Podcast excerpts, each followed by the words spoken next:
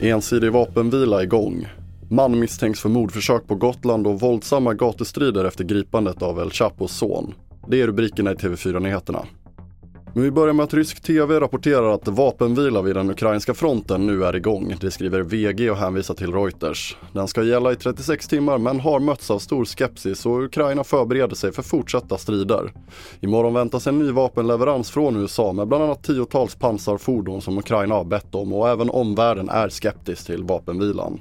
Jag vet ingenting om, om mannen på gatan i Ryssland men det är en, en del intressanta kommentarer bland de ryska militärbloggarna Eh, som ju brukar ligga på ska vi säga, högkanten. Alltså, de har varit kritiska mot att man inte har gått hårdare fram och där är man som mitt intryck i alla fall, ensidigt negativ och menar att en vapenvila gynnar bara Ukraina, att Ukraina skulle kunna förstärka det här. Det sa överstelöjtnant Joakim Paasikivi.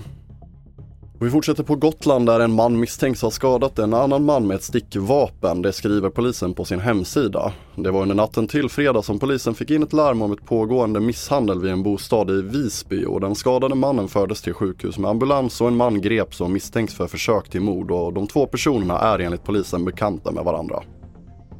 Och kostnaden för bemanningspersonal inom sjukvården fortsätter att stiga. Det visar siffror från Sveriges kommuner och regioner och allra högst kostnader har Region Västernorrland.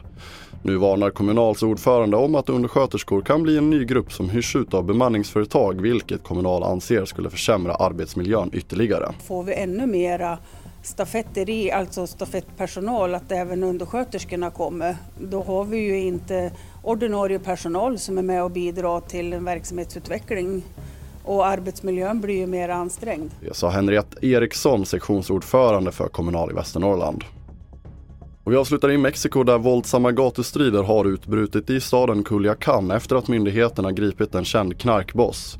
Det handlar om Ovidio Guzman, son till ökända El Chapo som sitter fängslad i USA och vid striderna igår besköts ett passagerarplan som skulle lyfta från stadens flygplats.